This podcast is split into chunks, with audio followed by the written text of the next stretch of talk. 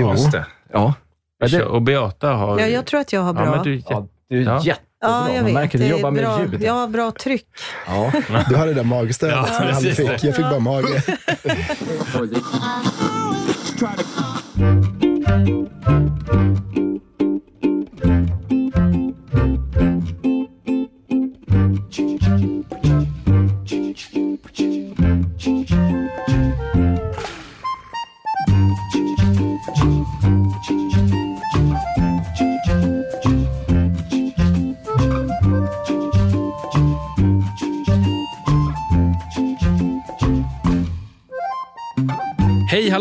välkommen till ett avsnitt av Frekvens. Jag som pratar just nu heter Daniel Olofsson och på andra sidan av dekagonbordet sitter den missförstådda talangen Erik Bäckman. Hur är läget?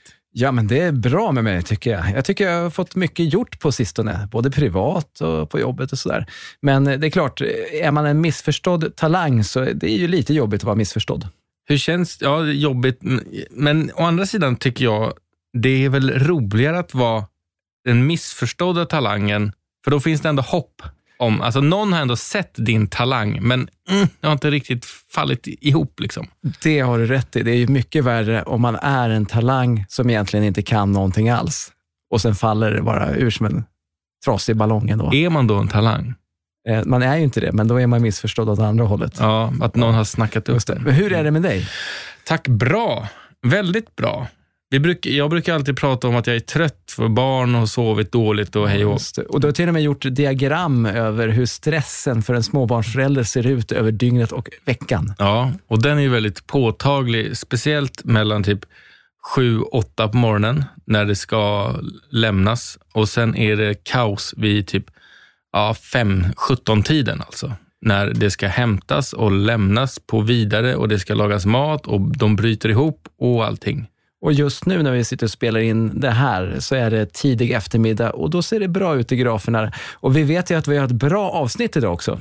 Ja, det är ju typ första gången vi vet att vi har ett bra avsnitt eftersom det här har vi redan spelat in. Så att eh, nu kör vi bara ett, ett intro till, den här, till det här avsnittet. Då.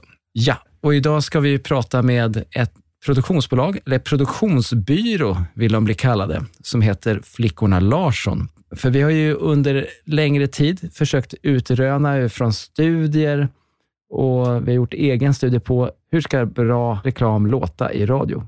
När man försöker på sånt här själv så blir det oftast inte bra.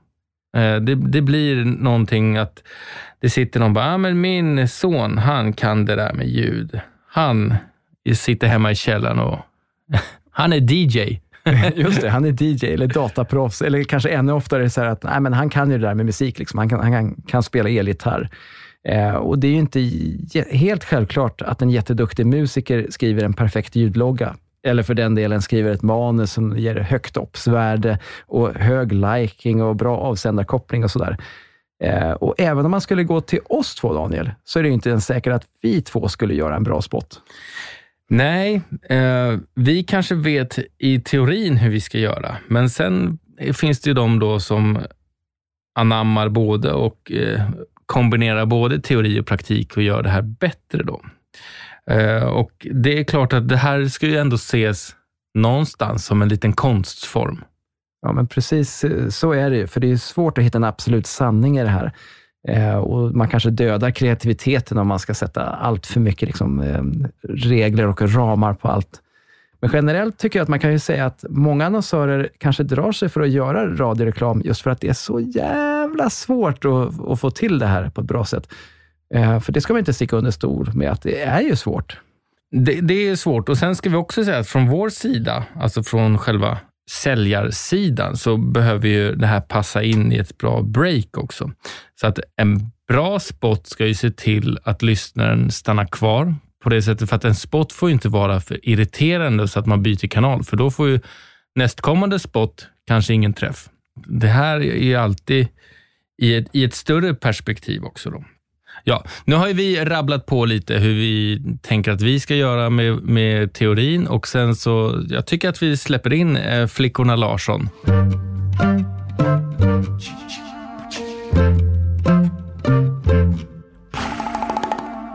Idag har vi med oss eh, några från det mest prisbelönta radioproduktionsbolaget i Sverige, nämligen Flickorna Larsson. Välkomna hit. Hej, hej, tack. Tack. Och det är närmare bestämt Beata Hej, hej. och Daniel som är med oss. Hej, Och då heter du Daniel Kilgren. och, Inte Olofsson nej, då, som jag heter. och, och Beata, du heter Harrison. Harrison. Härligt. Det känns... Är det radioproduktionsbolag eller är det produktionsbolag bara? Produktionsbolag. Ja, så Vi gör inte- ju mer saker än radio. Ja, det var det jag kände när jag sa det här, att det här, vi börjar fel på, på en gång. Liksom. Men vi jobbar ju med radio, så vi försöker få in lite relevans i det här. Just det, vi, vi Vi jobbar ju med radio alltså. Det gör vi. Det var inte ljug. Vi trycker in... Precis, så när ni säger ljud eller någonting, då kommer vi säga radioljud. Exakt. Och vi brukar till och med säga eh, produktionsbyrå. Ljudproduktionsbyrå. Det låter fräckt. Mm. Byrå är bättre än bolag alltså. Ja, men det låter ju lite som, eh, i min värld, som så här, Ture Sventon typ. En byrå. Just det, en, är detek- en detektivbyrå. Så. Har ni temlor på kontoret? Ja, Eller på byrån? alltid i ett kassaskåp. Ja, fantastiskt. Och så. Men det här namnet då, Flickorna Larsson, hur, var kommer det ifrån? Eh, det kommer ju från back in the day, 2002, när det grundades. Då var det eh, Lotta och Sara och en Patrik Larsson. Och då var det flickorna och Larsson. Och sen tog man bort lilla ocket, så var det flickorna Larsson. Okej, så det är inga flickor som heter Larsson? Nej, Nej. Ah, det tänkte jag, att de här Ja. flickorna heter Larsson. just det. Nej. Men är de kvar? Nej, de är inte kvar. Det var länge sedan de försvann. Men eh, vi gillar att vara flickorna Larsson, så vi, vi behåller det. Det är nice. Det är ett bra namn. Jag tänker på alla andra ljudproduktionsbolag, byråer och vad de heter. De har ju sp- spännande namn. Mm. Ja, men det är ju ganska fräcka namn ibland. Ja, Eh, och vi känner väl att vi kanske, vi vill gärna vara lite så här motpart till det och vara lite så här eh, snälla. Eh, vårt eh, kontor är inredd som en så här gammal lägenhet. Alltså typ det är en lite, farmor. ja, lite, lite tantigt liksom, Ja. på ett high tech sätt. Ja. Okej, är, är, ni, är ni lite trotsiga överlag? Nej, tvärtom. Eller, eller så. Jag, för jag vet, jag har hört dig säga Daniel förut att ni försöker göra radioreklam i alla fall eh, på ett sånt sätt som inte någon annan gör radioreklam just nu. Att ni vill gå emot trenden. Ja, men exakt. Det är väl ambitionen eh, att liksom gå eh, motsatt håll, att inte följa strömmen, för då är det så lätt att det blir ganska likriktat och att allting låter likadant. Då är du lite trotsig. Okej, lite. Det är så här. Men, men vilka är era roller då på eh, Beata, om vi börjar med dig? Ja. Vad, vad gör du på jobbet? Jag eh, sitter med i studion och eh, kör regi när eh, de här radiospotterna spelas in. Och sen har jag fått äran att vara castingansvarig på Flickorna Larsson. Så att om man mejlar till castingetflickornalarsson.se så är det jag som svarar på det mejlet. Och sen får man kanske komma och lämna röstprov. Och sen så finns det en, har vi en jättestor eh, ett bibliotek med röster som vi kan liksom kasta så det passar spotten. Och jag skriver manus och framförallt kortar jag manus som jag får ifrån reklambyråer. de har oftast längre manus då alltså. Ja, Ja. De, de har haft, eh, det som vi snackade om förut i ett tidigare avsnitt, som eh, Churchill sa, att han bad om ursäkt för att hans brev var så långt, för han hade inte så mycket tid att skriva det. exakt. Så- så jag de- förstår det. De, så de har haft lite bråttom där. Och jag gör samma sak om jag ska skriva en 20 sekunders spot, då börjar jag med ett epos. För man vill ju liksom få in allt kul och att det ska vara många dialoger och det ska hända och sen är det bara kill your darlings och sen så är det en VO på 10 sekunder och så ljud, så 8 sekunder kvar till det är kul. Ja, okej.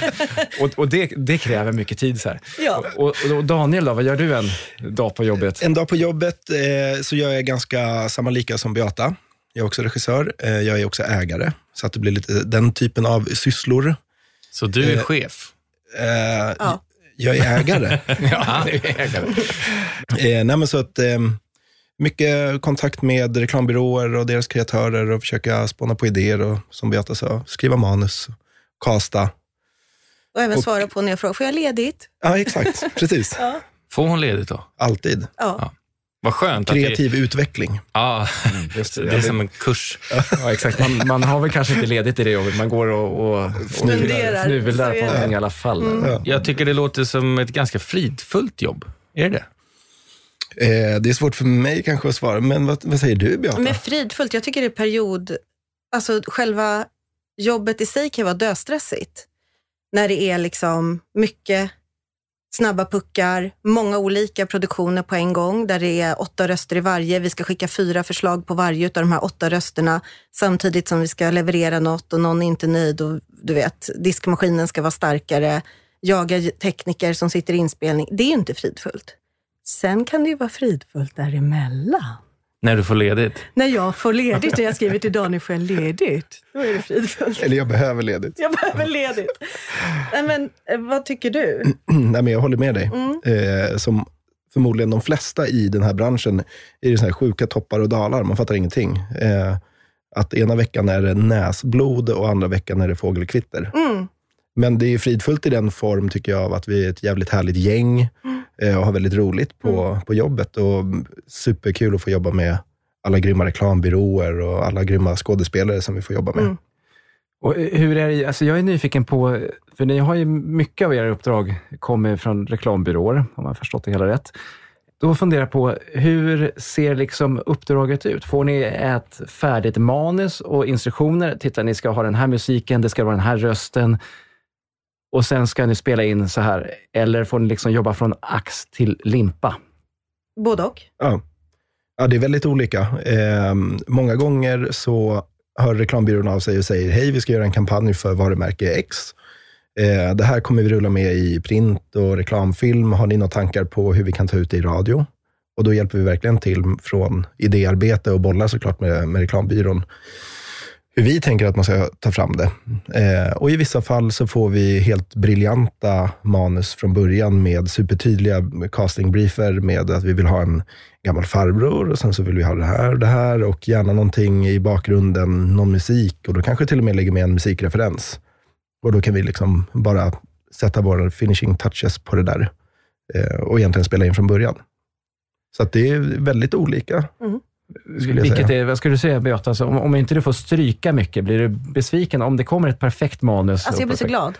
Du blir glad Jag då? blir så glad och sen så säger jag det till den person som har skrivit manus 27 gånger under inspelningen.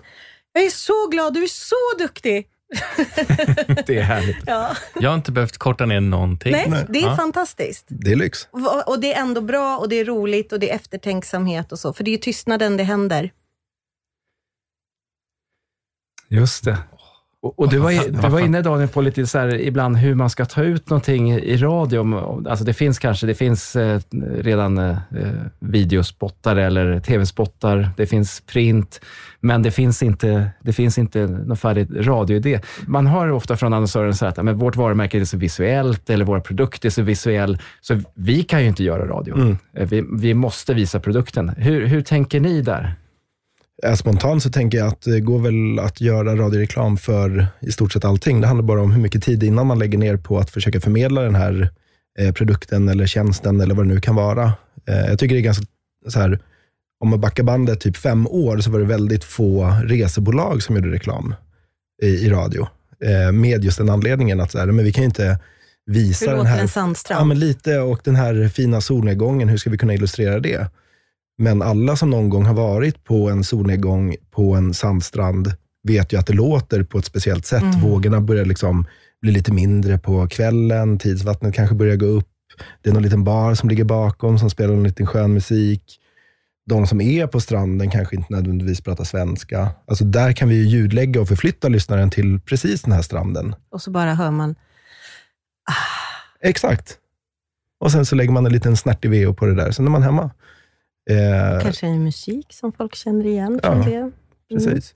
Har ni något exempel? eh, Någon? Det kanske var en resekund ni tänker på speciellt, men, men Nej, jag bara följde med i Daniel, så kände att där vill jag vara. ja, jag med. Jag hänger med. Eh, Nej, men jag tänker, eh, har ni, har, har ni något, sånt, något sånt case? En, en kund som från början, eller en kund som känns väldigt visuell och som ni sen får liksom jobba igenom att ta ut till radio? Nu jobbar min hjärna febrilt. Ehm, Alltså det jag kan tänka på är när man eh, ska, filmerna finns och vi ska göra radio på det. Och man vill ha ljudet ifrån filmen. Och det låter väldigt annorlunda i radio. Man, det kanske låter snuskigt till och med. Men i bild så gör det ju inte det. Det är ju som att eh, steka bacon låter som att det regnar. Så att eh, mosa banan låter som något annat. Så det kan vara liksom, det där har man kanske varit med om att det inte ta, man måste tänka om lite. Just det, så att då måste man mosa någonting annat. Jag tror det. Så att det låter som att man strunta i mosar. att mosa. Ja. Ja, jag hörde, apropå ljud och liksom sånt som låter någonting annat, eh, på skidor, alltså när man åker Ja. längdskidor, Ja. när man ser det i TV, då sitter ju några och gör de stavljuden. Är det Ja, sant? på ett, på ett piano eller en keyboard liksom, och sitter så här. Ja, Mindblowing. Mm, helt sjukt. Oj, oj. Eh, så det blir så här, va? Mm. Vadå? Ja. Ja, så det sitter folk och, ja men jag och tänker tajmar. i, i film är det ju så. De, Mm. vad är- fo, fo, fo, foley, foley, Foley. Att man liksom gör alla fotsteg och, och sådär efteråt. Och Mm. det kan ju vara något helt annat än det man hör Mm. som är. Och det är ju väldigt spännande då. Ja, precis. Att det kan vara grönsaker som knäcks Ja. istället för ett Mm. ben. Liksom. Ja, precis. Mm, mm. Spännande. Eh, lite bakgrund här innan vi eh, ska berätta för, för dig som lyssnar, eh, så hade ni en liten föreläsning för oss och våra säljare. Och eh, Var det någon som hade några frågor ställde ni och jag har ju tusen frågor. Ja, vad jag spännande. kände sparade dem? Jag sparade dem Mm. till det här för att få ut eh, mer så att ni inte känner att det där har vi redan svarat på och så blir det Smart. stel stämning här. Den första frågan är kanske också den svåraste, så vi kanske kan inte får något bra svar och jag och Erik har ju ett svar Mm. och ni har ett annat svar. Och det är då, vad är bra radioreklam? För er då kan jag säga. Vill du börja? Ja. Eh, nej men vi, eh, jag tänker att eh, det är någonting som är genomarbetat, att det är en bra grundidé. Så man inte bara tänker att det kommer i sista hand. För radio kommer ofta i sista hand. Man lägger mycket pengar kanske på att göra tv-reklam eller banners och såna här saker och sen så är det bara att slänga in radio. Men att man där då, som vi var inne på lite nu med manuset eh, till film, att man kanske inte bara kan ta direkt, utan man, kan, man måste ju berätta utan att berätta vad det är man hör på något sätt. Eh, och då eh, tänker jag rösten är superviktig. Vad det är för röst som pratar. Är det en gubbe eller är det en femåring? Är rösten varm och tät? Förtroendegivande? Eh, och där finns det ju verkligen mycket att ta tillvara på. Och där skulle jag ju verkligen vilja att man litar lite på vår expertis. Är det oftast, eh, eller oftast, men det förekommer att folk inte litar på er, på er utan Ja, att man, det är dumt att liksom falla på målsnöret. Att man tänker att en röst eh, som kostar pengar har ju oftast kanske fyra år på Teaterhögskolan och kan textanalys. Och det går supersmidigt i inspelningssituationen och man behöver inte klippa någonting. Man får hela tagningar. Efterbearbetningen blir jättebra. Och jag och Daniel som regisserar vet att den här rösten kommer leverera. Det är därför vi har valt den. Och sen så kanske de säger, ja men vi har en billigare, min moster har en jättefin röst. och det tar ju så mycket längre tid. Dels att få resultatet, för moster är lite rädd. Och sen så måste man klippa ihop. Och vi klarar ju det. Vi är grymma ljuddesigners. Men det tar tid, det är lätt att jobba med proffs. Mm. skulle jag vilja säga. Mm. Ja, de, de grejerna tänker jag på. Vad bra grejer. Mm, tack. Ja, det var det. Nej. Nej, men jag tänker också någonting som är superviktigt för min egen del är, eller det, det som är absolut bäst är när radiospottar eh, skapar en känsla hos mig. Eh, antingen som lyssnar på någon annans producerade radiospot, eller när vi har gjort spottar som man verkligen så här känner någonting för. Eh, det kan ju vara liksom humor, att man sitter och garvar. Och Det kan ju vara så här sjukt ibland, man har suttit och jobbat med ett manus, bollat det fram och tillbaks. Och det är jätteroligt på papper. Och sen så kommer man in i studion med jätteduktiga röster, som Beata var inne på. Och man liksom viker sig av skratt. Och när det, liksom, den känslan får finnas kvar under hela processen till att vi har en färdiglevererad spot. Det tycker jag är svinhäftigt Mm. och väldigt ja, men viktigt. Liksom. För då tror jag att om jag tycker att det här är så sjukt kul, så kommer de som hör det på radio också tycka att det är sjukt kul. Och förhoppningsvis komma ihåg vad det är för avsändare. Hur, tänker du just på det där att komma ihåg avsändaren när det är kul? För det är någonting som vi har snackat rätt mycket om. Eh, att många gånger, ja, men det kan vara något som är, ja, men det är sjukt kul. Man viker sig av skratt som du sa. Men sen ja, så snackar man, men eh, den här spotten, den var så jävla kul. Men vem var det som var avsändaren då? Hur, hur gör man den här kopplingen från att kul, skapa känslor och eh, också ha tydlig avsändare på det? Eh, och Det finns ingen ett lätt svar på det, men det som är viktigt är liksom själva bryggan.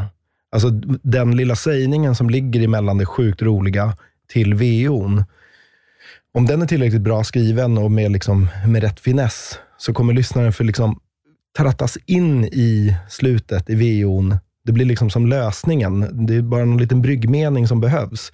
Och Jag hör också exempel på radio ibland, där man har kanske glömt den lilla bryggan, eller man tänker den kanske inte behövs. Men då blir det lätt så att man sitter och garvar som fan, och sen kommer VO'n och sen är det slut. Men man behöver lite hjälp för att komma in i liksom eftertexten, eller vad man ska säga. Med en liten sån brygg, brygga. Just det, så så, så det, det är bryggan som är hemligheten där någonstans? Ja, men jag skulle nog säga det. En del av det i alla fall. För missar man den, då blir det bara så här, jaha, vad fan, eller vad hade det där med varandra att göra? Det är ju, Eller, eller så tror man att det är nästa spot som kommer. Exakt. Ja. Mm.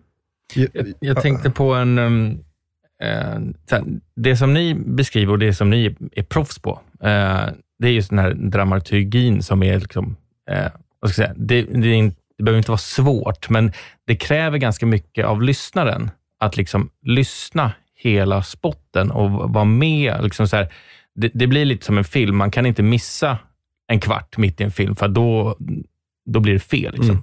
Tänker ni någonting på det sättet att ur, ur vilken kontext den här eh, radioreklamen eller då poddreklamen, alltså En radioreklam tänker vi kräver mer tydlighet än till exempel en, en poddspot. Om man sitter med hörlurarna på, man är redan inne i en sån kontext att man lyssnar på någonting väldigt aktivt, medan man kanske sitter liksom med Bengan bredvid sig som kör en slagborrmaskin lite grann till och Mm. från. Finns det någon skillnad i, i radiospottar kontra poddspottar? Eh, på, alltså på grund av att det är mer eller mindre uppmärksamhet på de olika medierna. Jag skulle säga spontant att den stora skillnaden vi försöker göra är att inte vara så gapiga i poddspottar. Just på grund av att man är mycket närmre lyssnarens öron, att man är lite så här varsam för det.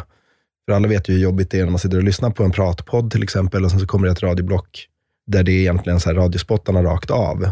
Och då blir man ju lite trött i örat. Liksom. Då vill man ju helst sänka eller spola förbi reklamen om det går. Men Så där det är vill väl- också prata om vad man, om man kan bestämma var man placerar podd. Alltså om, vi lyssnar, om jag lyssnar på en, en sån här po- yogapodd kanske, då vill ju inte jag ha in värsta humorn eller någon som skriker ett budskap eller sådär. Och då tänker jag, det här vet jag inte, kan man bestämma?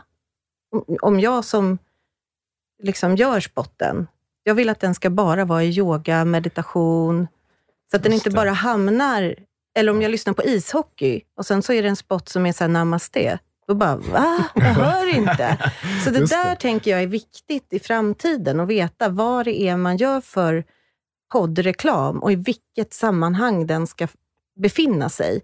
Då har ju vi mycket lättare att anpassa oss efter det. Ja, jag har inte så mycket koll på det. Vi har ju eh, hos oss först och främst Frekvenspodden här, men, men, men eh, annars även i radio tror jag, alltså det är en ganska stor skillnad om man lyssnar på Lugna favoriter Mhm. eller om man lyssnar på Bandit eh, och sådär. Och där brukar vi, jag vet inte om ni någonsin får de önskemålen till er, men, men ur vårt perspektiv så tycker jag att vi brukar efterlysa att man gärna tänker till, ja, men den här ska gå på Riks, för det här är lite AC topp 40-känsla på den här spotten, som, som det heter på fackspråk. Liksom.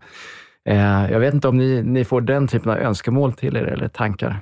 Men det är inte så ofta upplever Nej. jag. Och det, det skulle nog vara väldigt bra. Det Ja. skulle nog vara bra i era mätningar också. Ja, vi har ju snackat nyligen om, nämligen om, det har kanske inte ni hört, ni får, ni, ni får lyssna på det avsnittet eh, sen här. Men, men en australiensisk studie som eh, undersökte den här biten och de säger att kontexten är väldigt viktig för liksom, hur man tar till sig Ja. olika budskap. Man gärna har kontextuellt eh, anpassade Ja. spottar liksom, utifrån att ja, men det här är en, en kanal med den här typen av musik och då blir det väldigt konstigt att det kommer en eh, rocklåt och det. vice versa. För jag tänker att det är ändå ganska nytt där med podd. Vi gör ju väldigt mycket nu som är liksom inte ute i radio och de är ju sex sekunders vissa utav dem och sådär. Men det är ändå stämningen som ska ut liksom. Och då är det ju så himla viktigt. Jag tänker att det är lite barnsjukdomar. Man Mm. har inte riktigt kommit på hur man ska göra det. Men det hade ju varit jättebra. Och jag gjorde en som bara skulle gå i podd, det var om ekonomi. Och de var så himla tydliga, bara, det ska bara vara här. Och jag behövde inte fatta vad det handlade om. Det var jättesvåra termer. Men man har fått superbra mätningar för att de var bara i de här sammanhangen där, där de skulle finnas. Liksom. Det tycker jag är så spännande Mm. och bra. Just det. Och det var, ja, men då är man relevant. Vad, vad sa de i den studien? Var det 145 procent högre minneseffekter, tror jag, om man var relevant? Ja, vad? Det var det säkert. Jag kommer inte Ja. ihåg. Men, eh, nej, men just där, eh, om man kan köpa, liksom, eller säga, vi ska bara höras i de poddarna eller i det Ja. sammanhanget. eh, Och det är Då klart, är det lättare för oss ja, också att göra vårt jobb. Ja, och i, i teorin så, så går ju det eh, jättebra. Men sen till exempel då när man köper radio, i, i vårt fall, så köper man ju oftast alla kanaler. Mm. För att det blir, bill- det blir billigare att Ja. köpa alla kanaler och man får störst räckvidd och si och så. Sen det är klart, ska man, ja, men de här är lugna favoriter-spottar, Mhm. då kan de gå där. Det är klart att vi kan lösa det, men det blir oftast lite en liten annan prisbild om man bara ska gå med de spottarna där och de spottarna där och så Men det kanske kommer ändra sig i livet. Ja, alltså så här, för rent, eh, om man nu ska säga att kontextuellt sett så är ju det då bättre och då kanske det är bättre eh, i slutändan. Att det blir mer pengar, men det kanske lönar sig Ja. ännu bättre. Det kanske är, det är värt det helt enkelt. Ja, Ja. så kan det vara. Hur, vi pratade lite om röstprov, att eh, det, det är dig, Beata, man mejlar om man ska ha ett röstprov. Hur bra är våra röster och vad passar de in? Ja, det tycker jag de är. Ehm, du, vad skulle jag kasta dig till? Kanske någon som pratar i en podd? Ja. du ska prata podd oavsett vad det är. Ja. Mm. Ja. ja men eh, du klarar väl det mesta? Gör Oj. du inte? Ja, Jag vet inte. Jag har aldrig lämnat ett röstprov, så jag känner Jo, men mig... jag tror det. Men du är lite knarrig. Ja, Mm. Och kanske en sån här kille sitter och pratar på café med en polare. okej. Ja. Vad skulle du, vad tänker du också det eller? Jag, jag överlämnar ja, varm hand Erik, till dig. hur låter du? Ja, hur låter jag då? Du kanske måste, det är olika kanske med hörlurar och utan hörlurar. Nej, men vad, vad jag? Sitter jag, jag, är, jag är mindre knarrig. kanske. Du är mindre knarrig och eh, du är liksom förtro- det känns som du så här, vet vad du pratar om. Du kanske skulle vara nyhetsuppläsare. Oj. Oj. Det är en... Det är tungt alltså. Ja, Jag ska, jag, ska, jag, ska, jag ska prata med Robin här på Ja. jobbet som är nyhetsuppläsare. Ja, Morgonen. Ja, jag tror det. Ja, jag kanske Hälsa hoppar från mig. Ja, jag ska göra. Kolla om det går bra också.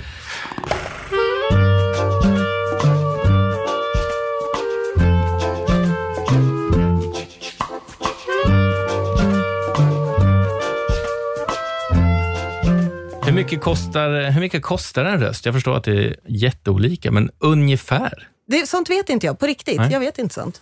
Ägare Daniel? Ja, exakt. Det borde jag egentligen ha koll på. Men det, det beror ju på lite grann hur rättigheterna ser ut, vart den ska gå, under hur lång tid. Eh, så jag skulle väl bara så här, mellan 8 och 15 000. Ännu mer om det är någon superruttad. Precis, om, de, Eh, om eller- man säger så här, vi vill ha Sean Connery. Ja, exakt. Han lever han? Annars blir det ännu dyrare. Jättedyrt. Då blir det sån här, du vet, som man har. Så det blir en slags AI. Tack. skapande. Mm.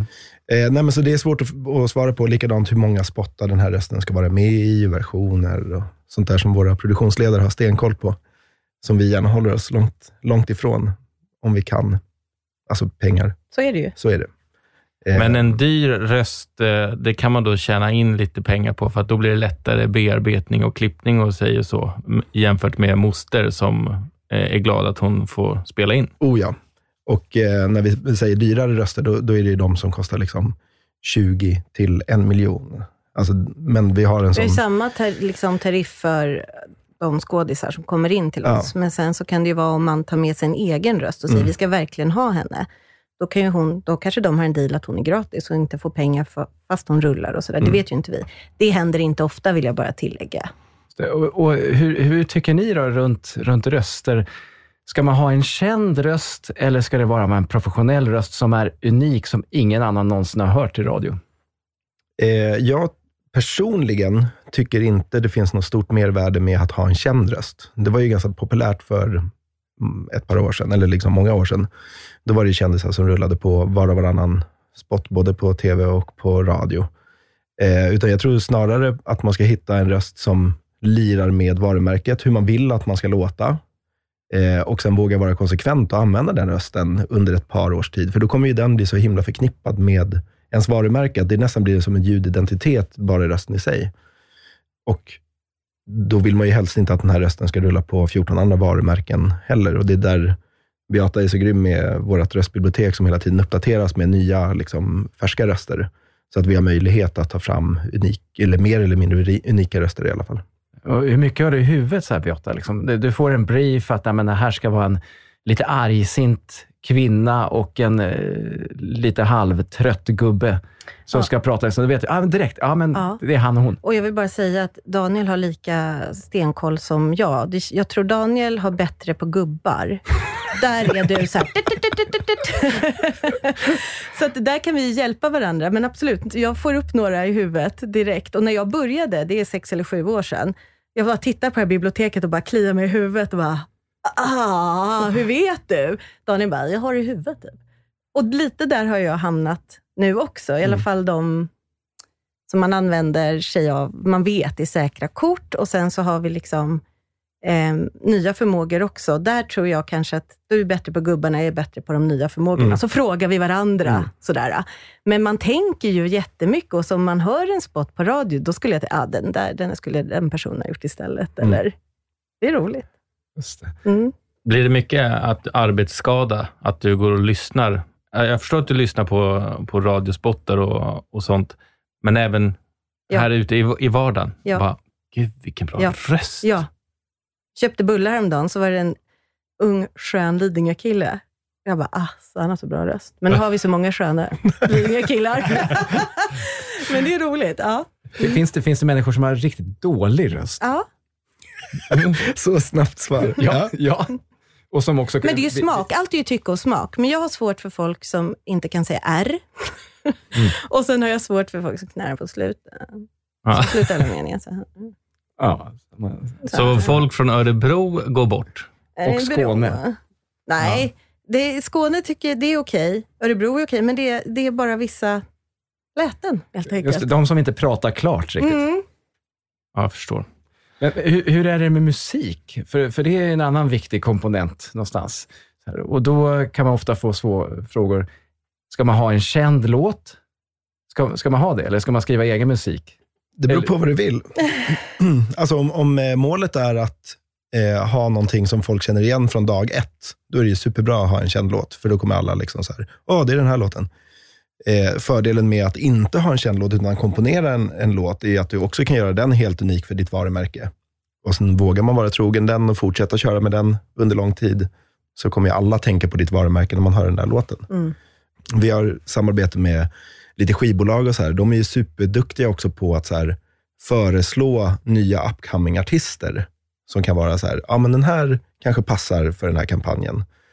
Och sen så breakar den och så har man helt plötsligt en känd låt, fast den var inte känd när man väl började köra med Det är den. lite grann sådana här gamla eh, Release Me med, med Saab. Där. Mm. Just det. Visst hette den så? va? Ja.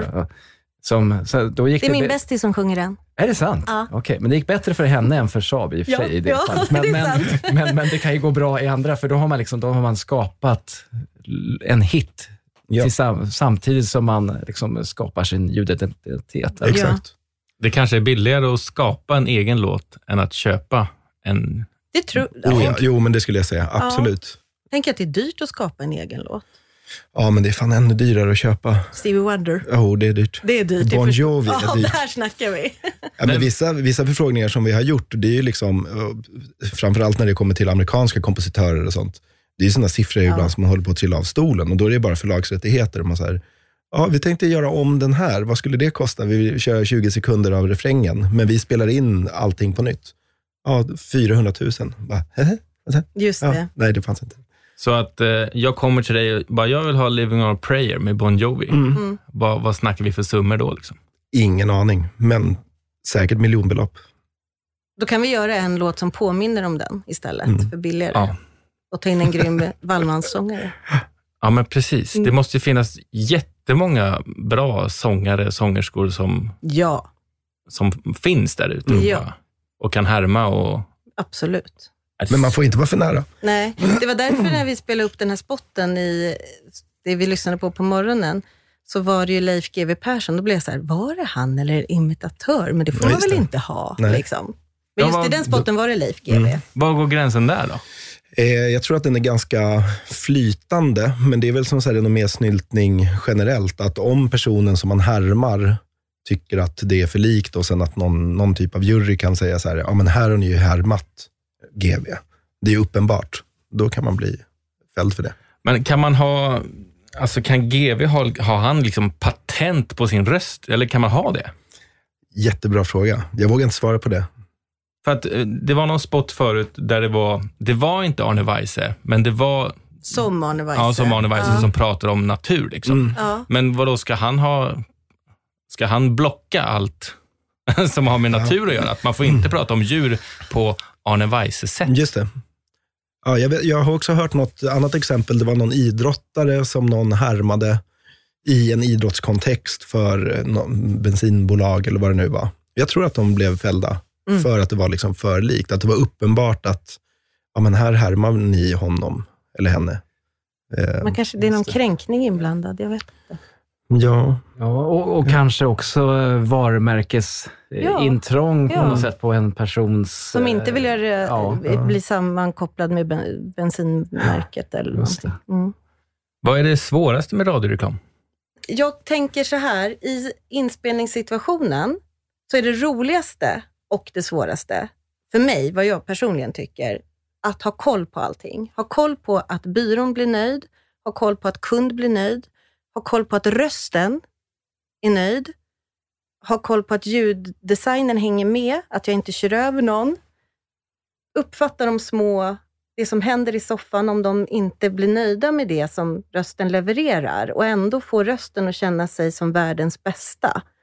Att liksom ha det här övergripandet, det är nog det som i alla fall är mest energikrävande, men också väldigt, väldigt roligt, tycker jag. mm. Det kanske är svårt att göra alla nöjda. Ja, man måste ju vara bestämd på något sätt. Och alla tycker kanske inte om det, men man får ju försöka vara snäll och bestämd. Eh, jag tänker att det svåraste är att annonsörer framförallt ska förstå varför de bör, bör ha lite längre spottar. Ja, men det det, är väl var lite- ju bra svar. Ja, eller det beror på vad analytikerna säger.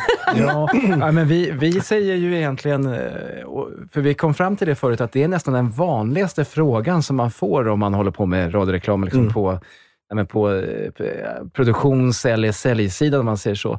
Det är väldigt vanligt att man frågar, men hur lång ska spotten vara? Mm. Ja, alltså det, det beror ju på så långt som behövs för att få ut sitt budskap. Mm.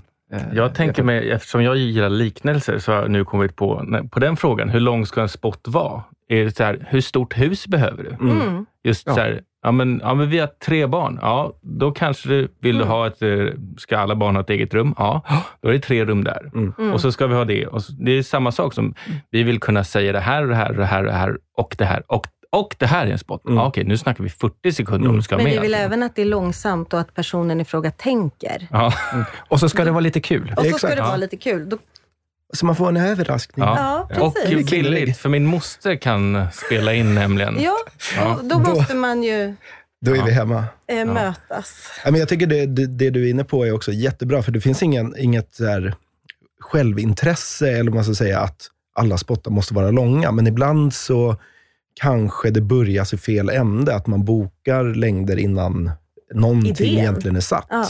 Och eh, vad jag har förstått så är det väldigt bökigt att liksom justera de där längderna i Mm. efterhand. Ja, det kan, det kan ju vara så att platsen är redan slutsåld Ja. och sen så vill man komma på att man behöver 40 sekunder istället för eh, 20 Ja. och då, ja, då, kan det bli, då kan det bli lite svettigt. Ja. Mm. Men så man ska börja processen lite tidigare helt enkelt, så att man hinner komma på en idé Mm. och sen hinner man boka ut efter det. I den bästa av världar, absolut. Och vad jag har förstått, det kan, får ni gärna rätta mig, men är det lättare att boka ner spottar? Om jag har bokat en 40 sekunder, är det lättare att boka om den till en 30 än från ja 30 till det, 40? det blir ju lättare. Ja. Och sen, men sen finns det också regler där man kan inte komma hur sent som Nej, helst, för då kan vi såklart. inte sälja Såklart. utrymmet sen, sen igen och, och sådana saker. Men, Mm.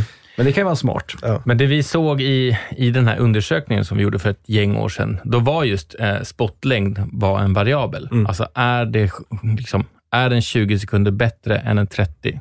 Eh, och det såg vi inte. att det Nej, var. det, Det, var fanns ingen i- skillnad. ingen, Mm. ingen betydelse överhuvudtaget. Däremot så har vi, vi, vi varit inne lite grann på att för att det har varit en vissa mätningar, eller det var någon, något påstående i alla fall, jag vet inte varifrån det kom, men som sa att ja, men 20 sekunders spottar är det bästa. Och jag har hört det lite så här löst ute på stan, Mm. lite härs och tvärs. så här. Alla säger att men det är bästa. Och jag själv, jag vet inte om det ligger någonting bakom det, här, för det kanske bara är någon, någon som har sagt det, som, som tyckte att det lät bra. Eh, Men om det finns någonting riktigt i det där, så kan det ju ha att göra med att då kanske man liksom har krävt, då har en Beata eh, eller en annan i, i din roll liksom fått stryka ganska mycket och då har man kommit fram till ett budskap som är lite tydligare Just det. och de har liksom tagit bort lite onödigt lullull runt omkring. Mm. Kanske. Men det är bara min egna teori. Det finns inget vetenskapligt i Nej. det där. Men generellt, det som vi har fått fram är, spelar absolut ingen roll med spottlängden. Men en spot som får fram sitt budskap på ett bra sätt Mm. är en bra spot. Jag tror inte härligt. lyssnarna har koll på, ja, den här spotten har varit 20 sekunder nu. Nu är den här 30. Så tänkte jag ju aldrig innan jag började med det här. Men jag reagerar nu liksom när man lyssnar och tänker, gud vad kul den var. Ja, den, var, den måste vara över 20. Mm. Så oftast tycker jag det går hand i hand. Men där vill jag också, nu har jag ett, en sak som vi pratade om för jättelänge sedan, det här med röst. Du ni frågade om det fanns en dålig röst. Och det är ju personligt tycke och smak. Men en sån dålig röst kan ju också lyfta spotten jättemycket. Att en dålig röst kan vara perfekt, så Mm. att det blir en bra röst. Jag vill bara säga det. Just det. Så det, det är ingen röst som man skulle ha eh, som en, en VO kanske i någon, eh, någon kampanj där man vill vara proffsig och, och clean och sådär, men däremot kanske en, inom citationstecken ska vi säga, då, dålig röst som kommer in och är en otroligt bra karaktär. Typ. Exakt, eller att man vill att VOn ska sticka ut och inte låta så proffsig. Mm. Så har man någon som betonar jättekonstigt eller både knarrar och inte har några R. Då kommer man ju komma ihåg det. Mm. Men då måste man vara lite modig. Så Ja. det, ja, jag ville bara säga det. Känner ni, eh, när vi gjorde den här En bättre spot, så var ju jag ute hos dig Daniel, eh, 2017 eller 18 eller nu var. Eh, och då hade vi en spot som var dålig enligt mätningen. Mm. Eh, för att den hade, den hade väldigt låg tydlig avsändare, alltså att folk fattade inte vilket det var. Kommer du ihåg vilken spot det var? Nej, men det var någonting vi hade gjort, eller? Ja, Ja. precis. Och, det var det som var det roliga. Jag bara, den här är dålig. Och Daniel säger, ja den har vi gjort. Ja. Och så blev det eh, spännande stämning. Ja. Eh, det var en spot för Stena Line, där de, man hör eh, italienska tanter prata väldigt mycket och det är något eh, så här radiofrekvensknaster och så eh, någonting, någonting. Och så pågår det ganska lång tid i spotten och sen var det eh, typ ta båt, ta färjan till kontinent, ta färjan till Europa. Just Någonting, någonting Ja. sånt var det.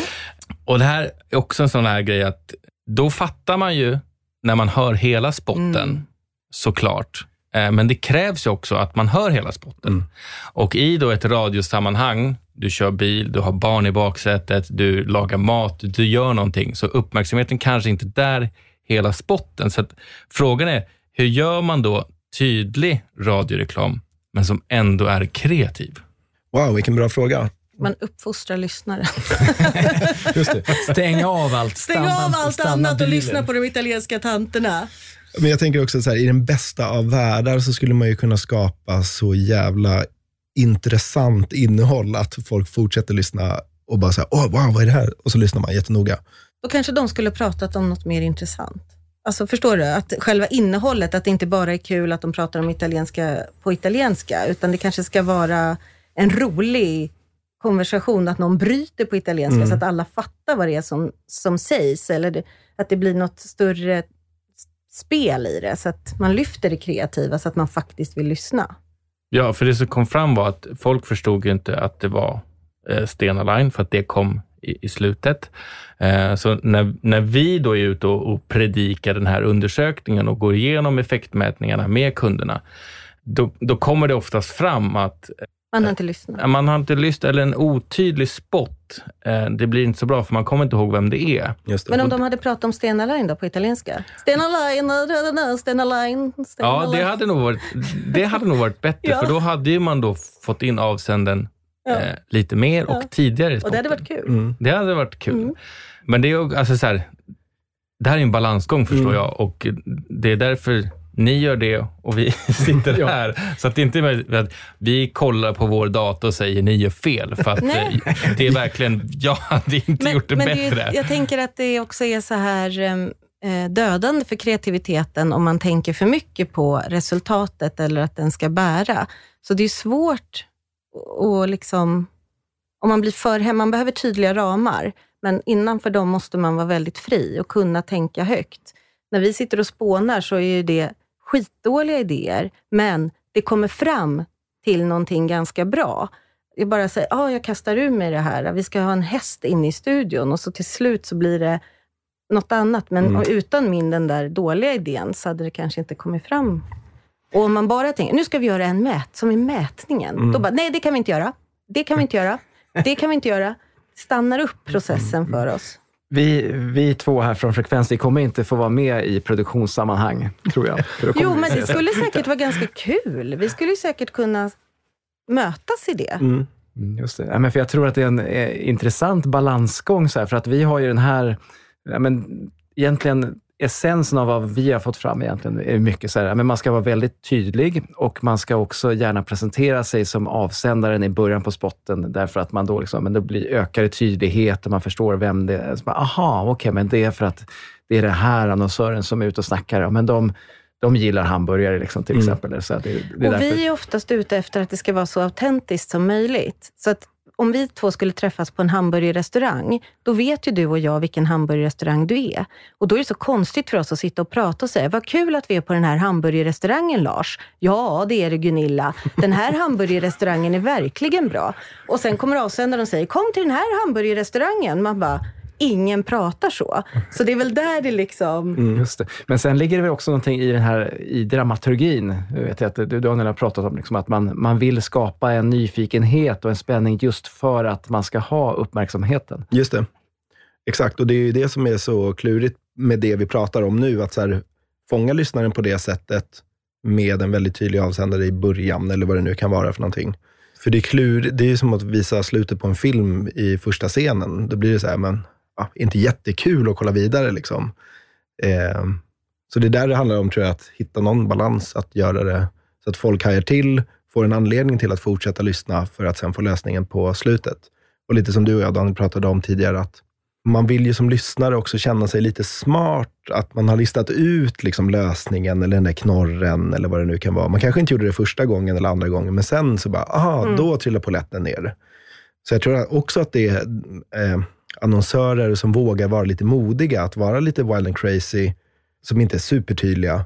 Femte gången folk hör den, då kanske de kommer tycka att den är fantastiskt bra. För att man har inte riktigt förstått innan eller kopplat ihop liksom pusselbitarna. Mm. Just det. Men hur, hur tänker man där för att man ska kunna pussla ihop det?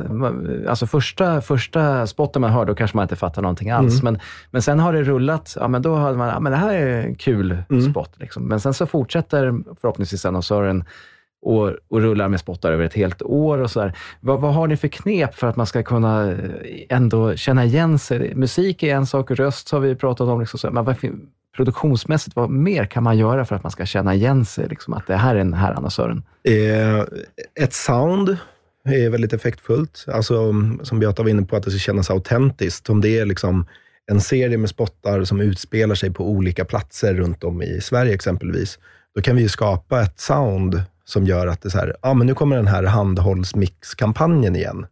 För då när man kommer till spot tre, liksom, sju månader längre fram i tiden, så är det liksom soundet bekant. De pratar inte om samma grej, det kanske inte ens är samma skådespelare, förutom i, i VO'n och musiken som ligger under VO'n.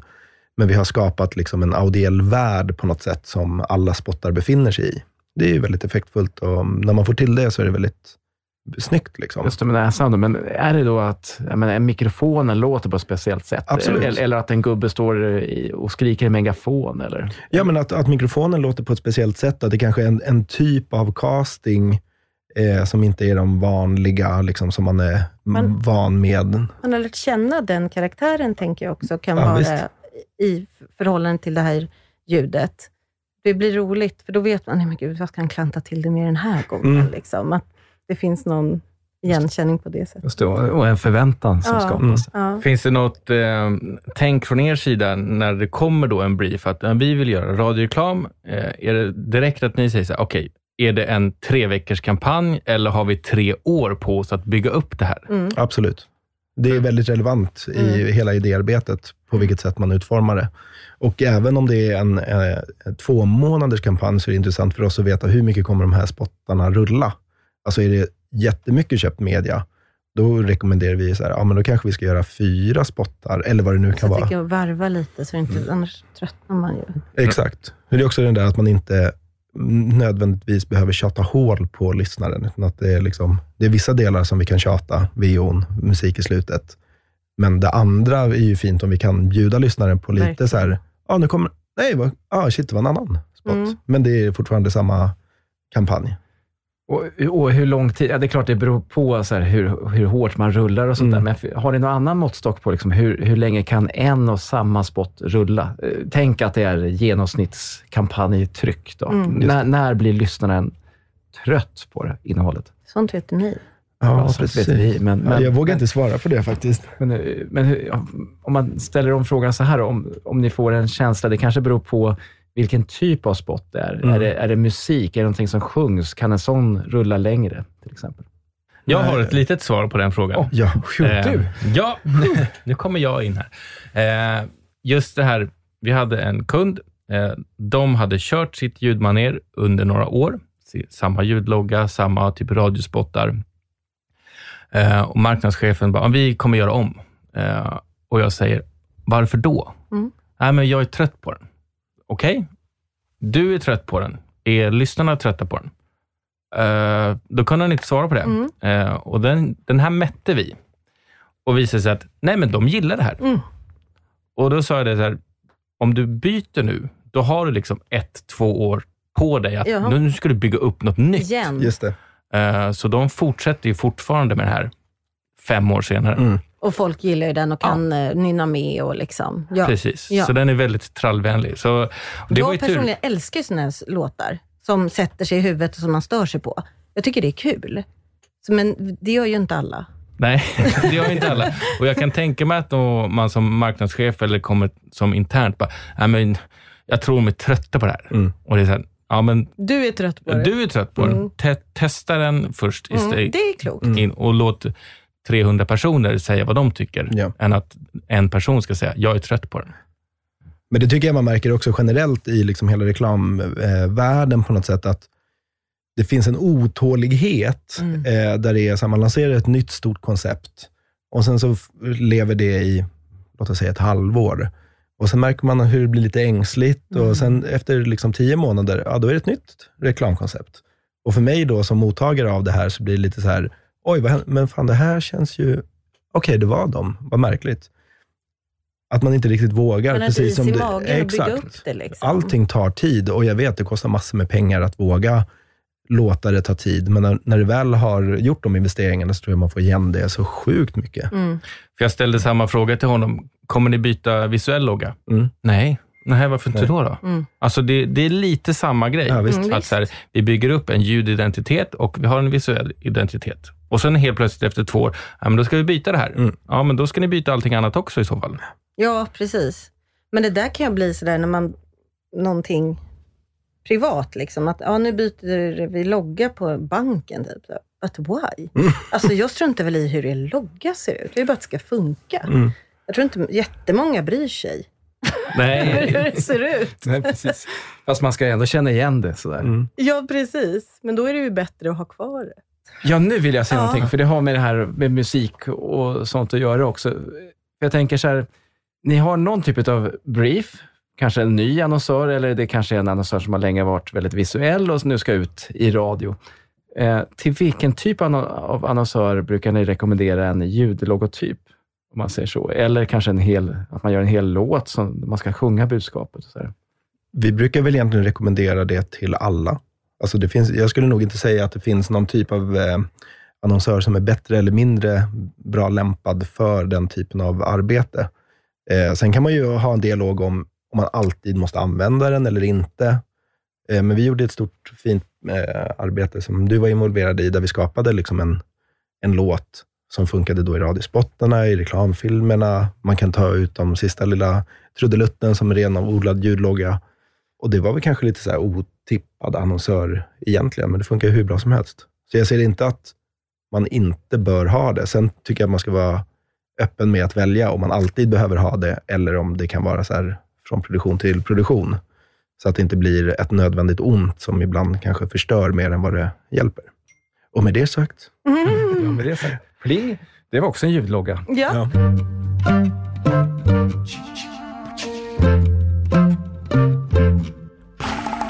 Hur eh, beter sig en drömkund för er? Tydlig vision. Tydlig, eh, alltså tydlighet, det här ska göras. Men vi litar på er. Ni kan ljud. Hur tycker ni? För jag vill att den här spotten ska ha jättemycket, ska ha supermycket ljud. Vi är på en cirkus och allt ska höras på en gång. Tycker du att det är bra? Nej. Okej. Visa mig hur du tycker det är bra. Så kanske man gör en med extra allt, hela cirkusen på en gång. Och sen så gör man en där de står och pratar och det är i fokus och så hör man att någon trillar ner från trapetsen. Mm. Ja, säger de. Vad kul! Du kunde det här. Ja, jag, jag håller med. Cirkus är bra. Nej, men för min del är det precis samma sak. En reklambyrå, gärna en reklambyrå, hör av sig med en jättebra idé och som är helt så här prestigelös och bara så här, låt oss utforma det här tillsammans. Man får sitta ner med dem, med manus, bearbeta det ihop så att eh, dialogen är bra. De lyssnar på oss när det kommer till eh, våra förslag på röster, när vi kan motivera så här, den här rösten skulle passa skitbra för det här på grund av det här. Grymt, kör på det. Att det är liksom högt i tak och vi alla litar på varandra. När det blir liksom som, som eh, att vi är samma team. Mm. Det är fantastiskt. Och likadant när vi kommer till inspelning, att det är så här, man lyssnar på varandra, man känner in, man tar allas, eller de bästa idéerna vinner, oavsett om det kommer från eh, praktikanten som var med på Mm. inspelning, eller om det är marknadsdirren som är med, eller om det är rösten inne i, i båset som kommer med en idé. Så här, helt prestigelöst, Mm. för då blir det magi gjort. Liksom. Hur ofta sker det här då? Eh, Jag, har, jag måste säga att jag har förmånen att jobba med en byrå och ett stort konto på den byrån med en arbetsgrupp som är precis så här. Som är helt jävla magiska att jobba med. Och hur ofta sker motsatsen, när det blir kaos? Inte jätteofta. Mindre, mindre ofta. Annars skulle man ju inte orka. Nej. Ehm, nej, men jag... Ja, ja, men man blir ju glad när det händer. Jag tycker jag gjorde nyligen en sån produktion som blev jättefin och superbra dialog och roligt på alla håll och kanter. Då blir man ju väldigt glad. Och Sen kan det ju såklart vara motigt ibland. Men det är och det då måste är, man släppa prestigen. Då måste man bara tänka att det här har inte med mig att göra. Ja.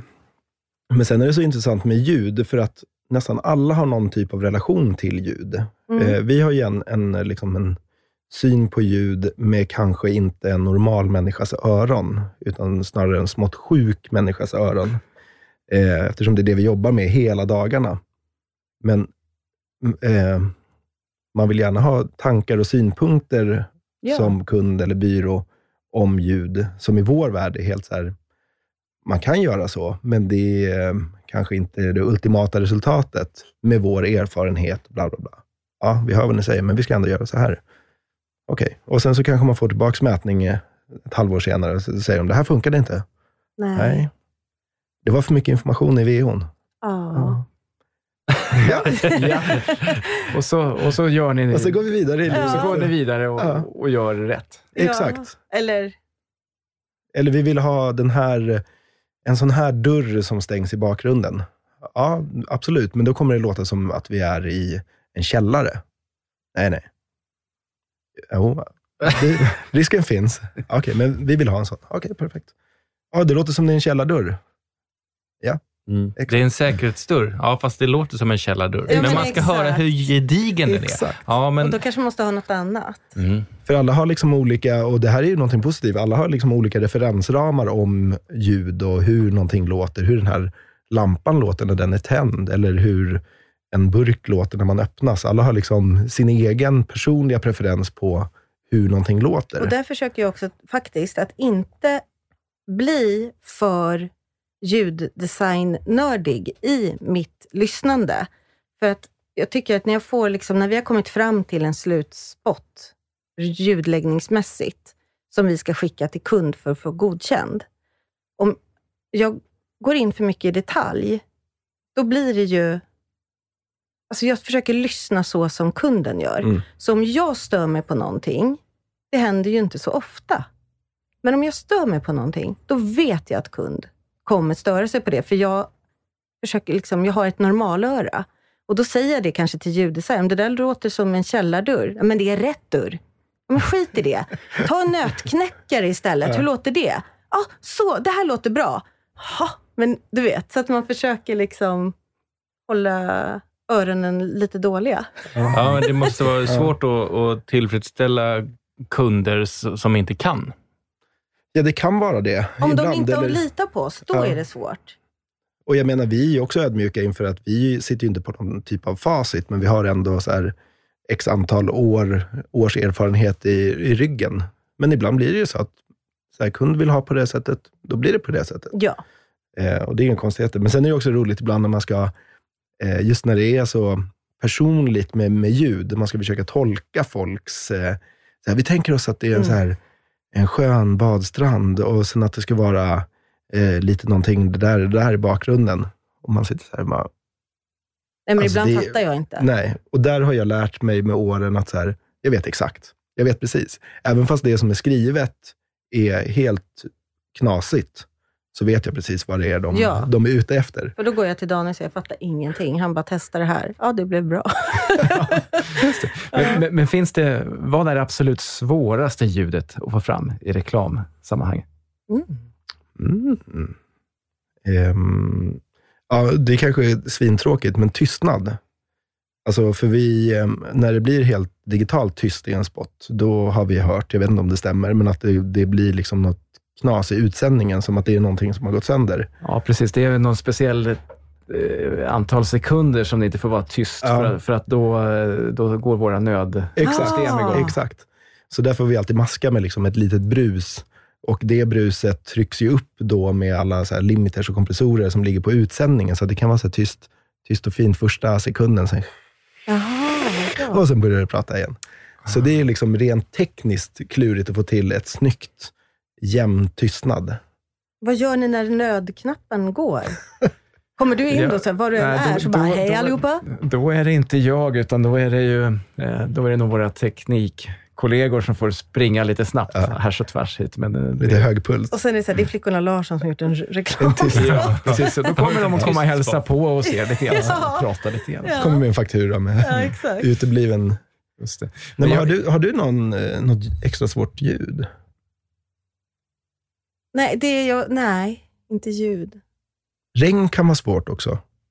Alltså för det är ju så också lite hur man upplever det själv. Det låter på ett sätt, om jag är på en äng och det börjar regna, så är det egentligen bara ett brus.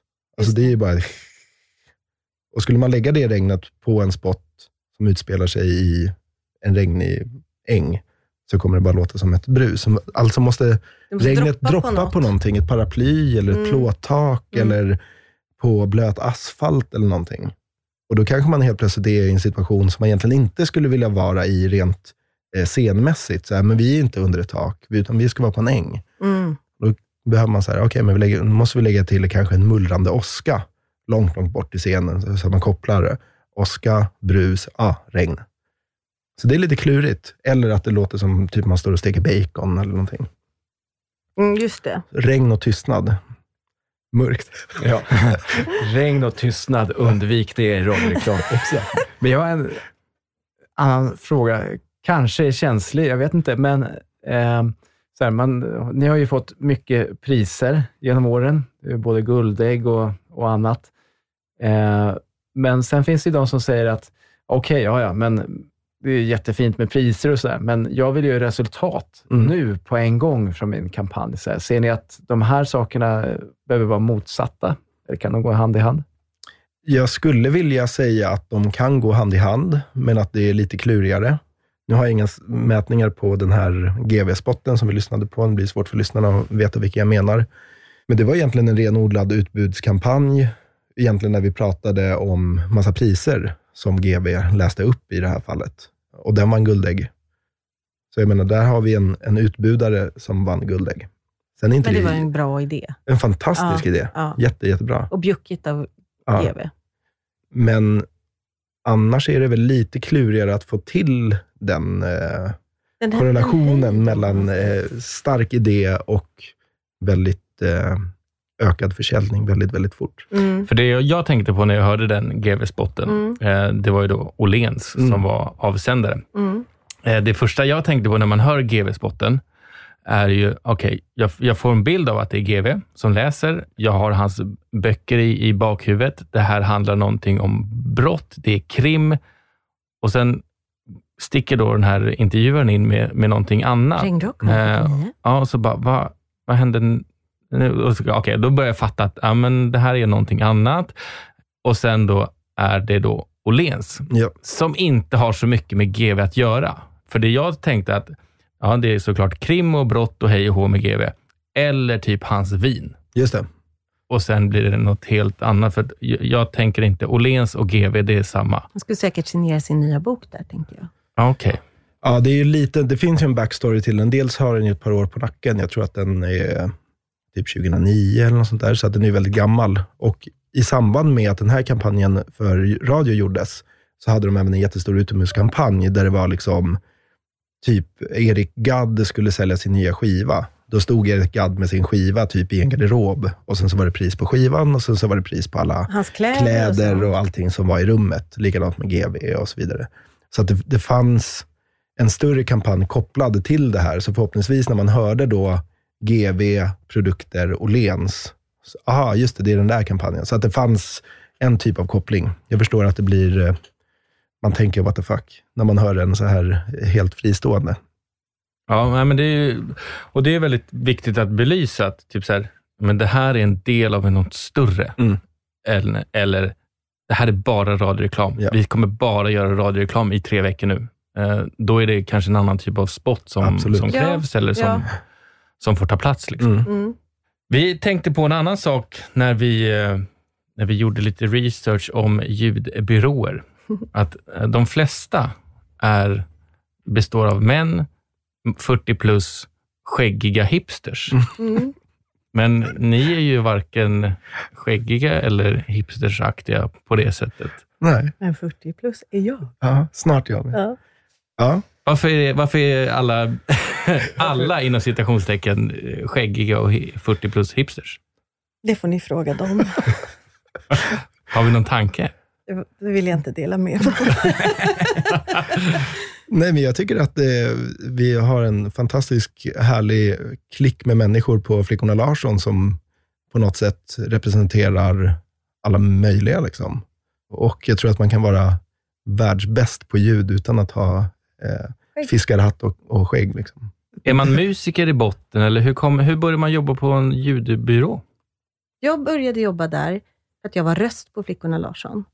Och jag jobbade, frilansade, så jag jobbade som skådis och sångerska och hade gjort det.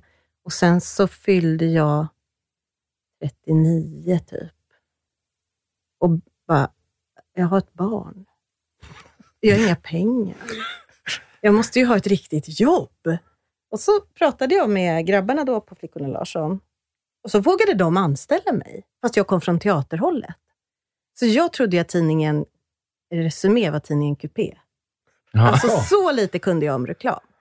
Så jag har lärt mig massor och ljud har jag ju, eftersom jag har sjungit, jag har varit i studiomiljö jättemycket, jag har dubbat tecknad film supermycket. Jag är intresserad av ljud och varit hungrig på att lära mig.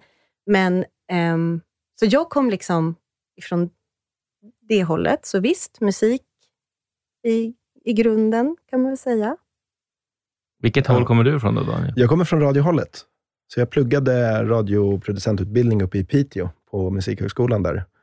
Eh, och den var ju väldigt, dels fantastisk utbildning, men den var väldigt också så här, ni ska jobba på SR. Det är liksom den heliga graalen. Inklusive för mig första året, det var journalistik och det var långa reportage och så här. Så hade vi en kurs i eh, radioreklam. som eh, jag gick och fick en praktik efteråt på ett produktionsbolag uppe i Umeå som gjorde en del radioreklam och kände så här, fan, det här är ju det jag vill hålla på med. Det är liksom radiomediet och reklam. Och så blandar man ihop dem till en enhet. Eh, så när jag var klar där så sökte jag jobb också på Flickorna. Det var 2007. Och sen, och sen dess är allt historia. Alltså. Ja, exakt. Mm.